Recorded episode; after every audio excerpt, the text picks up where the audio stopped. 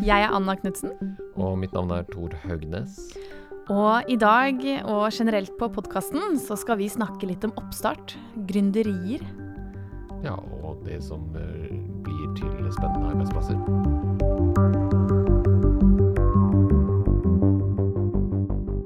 Da er vi tilbake med en spesialpodkast som vi har laget online, med, og vi har kalt den Koronaspesial. Anna, hva er det som skjer? Åh, det er krisetilstander nå, Tor, er det ikke det? Jo, og det er jo helt merkelig. Jeg er jo litt eldre enn deg, det har vi snakket om før, og jeg har aldri opplevd noe lignende. Nei, altså det, det Jeg kjenner det på hele kroppen. Og i hvert fall eh, Nå er vi Hva var det vi kom fram til? Dag eh, seks. Ja. Eh, når vi spiller inn i dag, på tirsdag. Og det er Jeg har kjent det på kroppen siden den store nyheten ble sluppet på torsdag i forrige uke.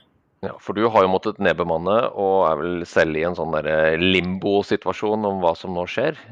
Fortell litt om hva, hva du har gjort de siste dagene, Anna. Nei, altså for det første så har jeg jo en bedrift som er i reisebransjen, og jeg har studenter over hele verden. Mm. Eh, og det betyr at eh, jeg har egentlig måttet være i kontakt med Sjekke nyheter, kontakt med partnere, foreldre og studenter fra morgen til kveld. Fra torsdag til i går. Endelig nå så begynner det sånne ting å senke seg litt ned, som gjør at vi kan podkaste nå. Eh, men eh, i tillegg så har vi jo null aning om hvor lenge dette varer. Kan vi sende studenter til høsten osv. Eh, på Sommerfuglen f.eks. så har vi, har vi, kunder som nå sier ok, nå må vi bare pause kontrakten, for vi har ikke kunder som kommer inn. Hvis de f.eks. er en restaurant. Eh, så vi er nettopp nødt til å permittere, eller delvis permittere, de fleste ansatte. Og du har gitt ut varsler om det nå? Ja, det sendte ut i går kveld. Mm. Det er tungt, er det ikke det? Ah, det er dritt. Mm. Ja, og det, å, å, bli permittert er heller ikke noe hyggelig, og det opplever jo nå fryktelig mange mennesker. Å få liksom et brev eller bli innkalt til et møte med sjefen og få beskjed om at uh, vi er nødt til å la deg gå hjem ut av jobben her og overlate lønnskostnadene til staten. Det er også litt spesielt. Ja, og det er Men samtidig så hvis man skal overleve, så har vi ikke så mye valg akkurat nå heller, da. Jeg så på nyhetene i dag at det er 68 000 nye søkere på Nav. Ja. Bare på under en uke.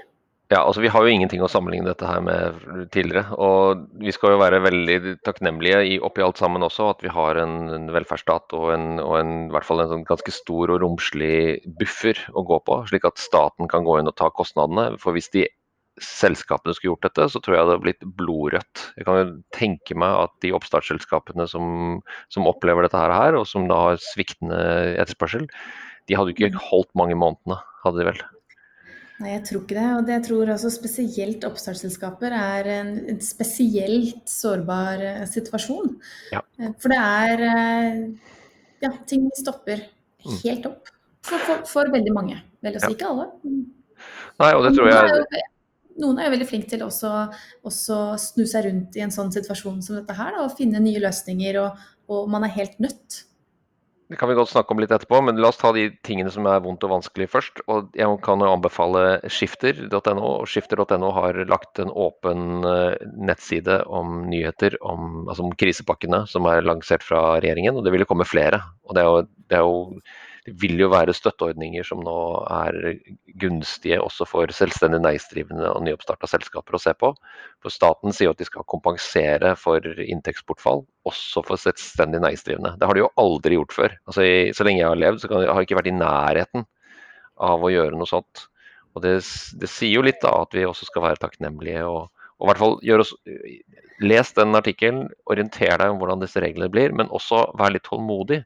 For nå er det jo som du mm. sier, 65 000, og antageligvis innen dagen her er ferdig og vi skriver onsdag, så vil det være 200 000 som gjerne vil gjennom Nav sitt søknadssystem for å liksom få sin søknad registrert. Så vær litt tålmodig, men det er altså hjelp å få.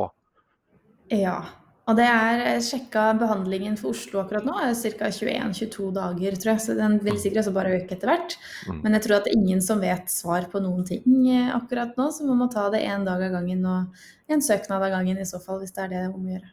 Ja, og så er det litt trøst i det at vi er alle sammen oppi dette. Tidligere kriser vi har hatt har jo gjerne vært i enkelte bransjer. Nå treffer jo dette veldig bredt. Og så er det jo litt selvpåført også, i og med at man går veldig hardt til verks og sier at nå skal alt stenges ned, og man skal være, ikke være i nærheten av hverandre for å hindre den smitten. Da er det jo Det bidrar jo ikke til at man får lyst til å sette seg ned og planlegge påskeferien eller sommerferien eller innkjøp eller prosjekter eller noe som helst. Så man får, en, sånn, man får en veldig sånn nedsmelting, da. Ja, men så er det jo ikke alle land heller, hvis du har fulgt med på det, mm, som har gjort alle disse tiltakene også. F.eks. Sverige har jo Ja, vi har jo et naboland som påstår at de skal lage sånn eh, kollektiv beskyttelse i, i befolkningen. Og, og, bare historien kommer til å vise oss om det var vel så bra.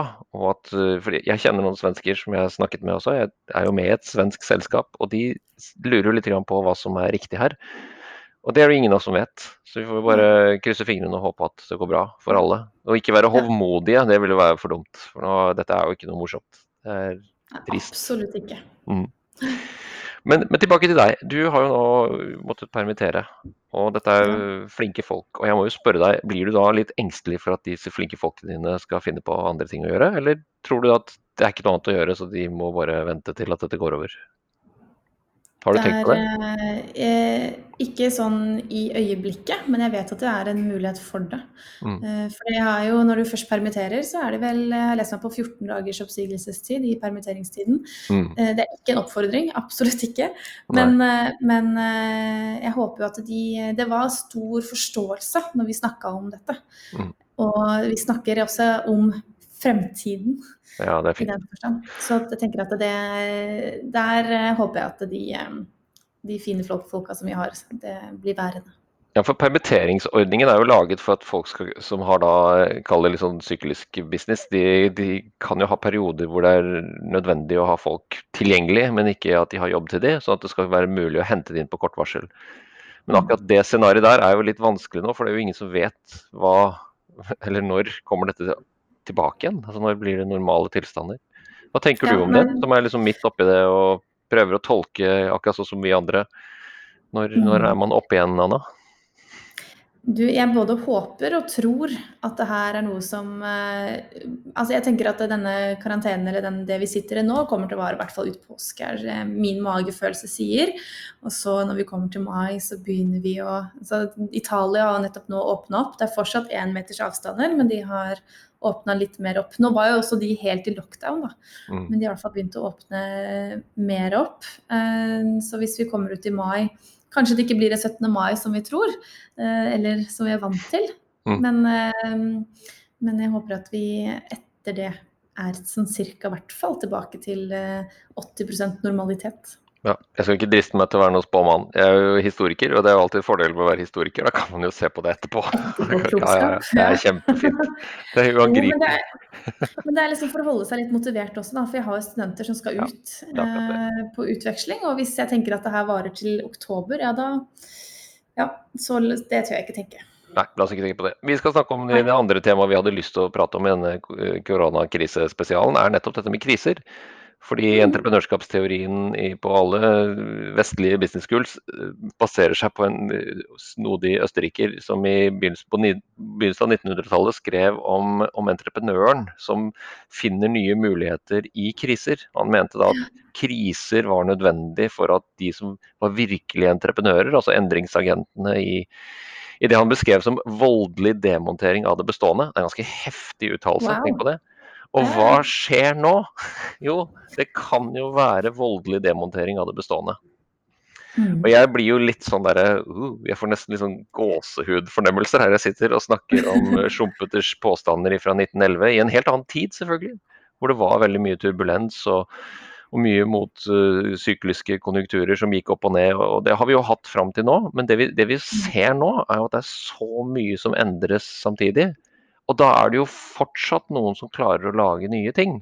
Altså innovere i noe, skape noen nye markedsplasser. Det vi gjør nå må jo være en slags form for innovasjon. Eh, hva er dine tanker om det? Til en viss grad. Altså jeg tenker at det er eh, Noen må jo bare snu seg rundt. Altså ta en pivot og bare OK, hvilke muligheter har vi nå? Ja, for det er det det heter nå. Det heter en pivot, heter det nå. ja, jeg, Jeg får ikke så fokusert på det ordet. Jeg leser meg opp på sånne der, typiske startup-ord, og da pivot kom til litt gøy å si. Ja, det er kjempefint at vi støtter amerikanerne med noen amerikanske begreper. Men hva er det egentlig, hvis du skal beskrive det på norsk? Hva Nei, altså det blir jo en, en snuse rundt om. Ja. Eh, for å Det hørtes ikke like fint ut, nei. Det hørtes ut som det var noe man gjorde rett før jul. nei, hvor man kanskje velger å gå en annen vei, eller ser en, ja. ulik, en annen mulighetsområde ja. eh, som man kan tjene penger på. Eller ja. skape verdi, som vi snakker mye om. Ja, jeg syns det er finere å si det, i hvert fall nå når vi skal ha arbeidsfolkene våre tilbake igjen. Og, og ikke mm. minst med fornyet glød og innsats, sånn at man kan jobbe sammen om å løse problemer. Og, og, nå er det åpenbart veldig mange, som, i hvert fall de som kan, som sitter hjemme. Og så hørte jeg i går om en gjeng som jeg har veiledet. De har fått tak i et helt lass med sånn antibac. Så de driver nå og snekrer webside som de skal selge antibac. det, sånn, det er jo noe innovativt over seg. Så det gleder jeg veldig til. Det er for tidlig å si hvem det er, men du kommer ikke til å bli overrasket, for å si det sånn. Nei, jeg har en anelse. Ja, du har vel det. Ja, men eh, det er jo ikke, det er ikke, bare de som gjør det. Altså, Dior begynner nå også å lage ja. antibac. Mm. Mm.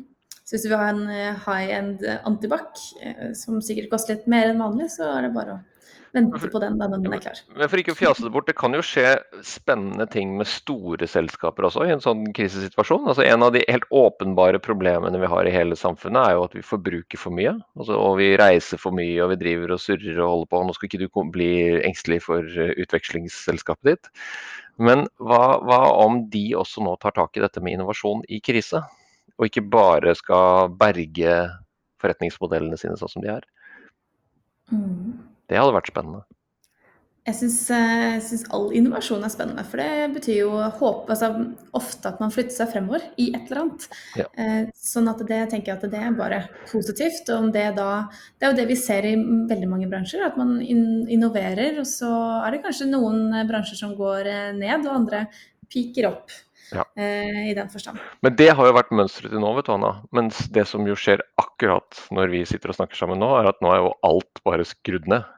Bortsett fra kanskje helsesektoren og sikkerhetssektoren og noe online-greier, så er det jo alle mm. som driver vanlig butikk, de kan jo bare gå hjem og vente til forhåpentligvis at det går over. Og det blir lenge å vente hvis du skal vente til mai, juni, juli. Mm. Før kundene kommer tilbake, liksom. Nå er det jo fortsatt noen restauranter, det er fortsatt noen eh, vanlige butikker som har, har åpne, men jeg regner med at de ikke får så mye besøk. Og det er det også som er synd med denne eh, smittevernet, holdt jeg på å si, som vi holder på med nå. Men Tor, altså, Men da, jo... ja, da kommer jo, kom jo, krisegreiene inn med en gang. ikke sant? For det er jo i den perioden de som er endringsorientert, klarer å klekke ut nye tanker og nye ideer. Selv i en sånn bunnløs, håpløs situasjon. Yes. Og de som nå er blitt permittert, eller har dette sikkerhetsnettet som vi har i Norge, de kan jo faktisk tenke ut en ny selvstendig, original tanke. Teste den ut med noen venner, kanskje tidligere kollegaer eller til og med sjefen sin, og så er man opp igjen. Ja. Og så ser jeg, hvis man følger med på eh, sosiale medier overalt, altså veldig mange lokalsamfunn eller lokale bedrifter har nå eh, tatt en pivot og se ok, hvordan kan vi eh, bidra og gi mer verdi til de som ikke kan komme og besøke oss direkte. Og det er veldig mange som har begynt med ekstra hjemleveringer og, og andre form for eh, hjelp. da i den forstand. Men Tor, altså, vi snakka litt innledningsvis om at du er jo, du er jo hakket år eldre enn meg. Eh, Så vidt. Ja, Så takk. vidt. takk. eh, og, og, du har jo vært gjennom kanskje ikke lignende kriser, men hvordan vil du sammenligne dette med de andre, f.eks. finanskrisen i 08 og Jeg kan gå lenger tilbake, faktisk. Lenge før du ble født. I 1987 så hadde vi en krise i Norge som ligner litt, hvor vi fikk en sånn uh, veldig brått fall i, i, oljeprisen. og Den var faktisk under 30 dollar. Og alle oljeselskapene trodde at nei, dette går til helvete. I hvert fall vi i Norge, da. For den gangen var vi også veldig altså sårbare for konjunktur, altså prisfall. Og så da ble det veldig mye Det ble stor arbeidsledighet i 87. Jeg husker det, for jeg, var, jeg, gikk jo på videregående da og var litt samfunnsinteressert og lurte på hva jeg skulle gjøre når jeg ble stor og sånn. Men det gikk jo an, det gikk an å få seg jobb. Det var ikke sånn at det var suppekjøkkener på gatehjørnet i Oslo. Eh, men jeg, jeg, husker det fortsatt, at det var snakk om den derre ja, Hvem er det som hjelper oss over sånne kriser, og hva er det, som, hva er det, de gjør med oss? Og Det er jo egentlig det jeg tror du er litt på jakt etter her. For det, ha, det handler jo veldig mye om hvem du har rundt deg, og hva du snakker om, og ikke minst hvor forurensa hjernen din blir av disse utrolig dystre nyhetssendingene. Som jo, ikke misforstå meg, det er veldig viktig å få med seg faktainformasjon og, og, og, og, følge rådene fra, fra, alvorlige, velmenende leger og alt sånt. Selvfølgelig skal man jo det. Holde avstand og vaske hendene sine og, ikke smitte folk som har eh, dårlig immunforsvar og sånn. Men kjære vene hva dette her gjør med psyken vår. Mm. Det er jo helt klart at du blir påvirket av så mye massiv negativ informasjon. Det blir jo som et sånt dopamin.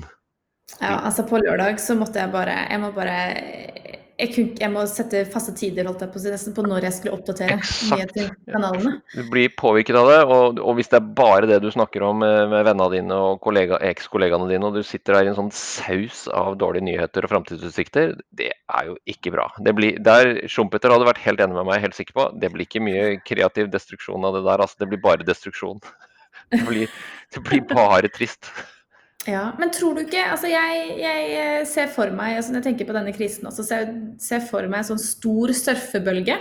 Vet du hva jeg mener, Hvor det sånn ligger over deg. Ja. Eh, jeg prøver å bevise det litt. Nå jeg ser det nå. Men det ja. ja. Eh, og så må vi bare klare å smette ut av den bølgen mm. før den eh, på en måte tar oss med i dragsuget. da.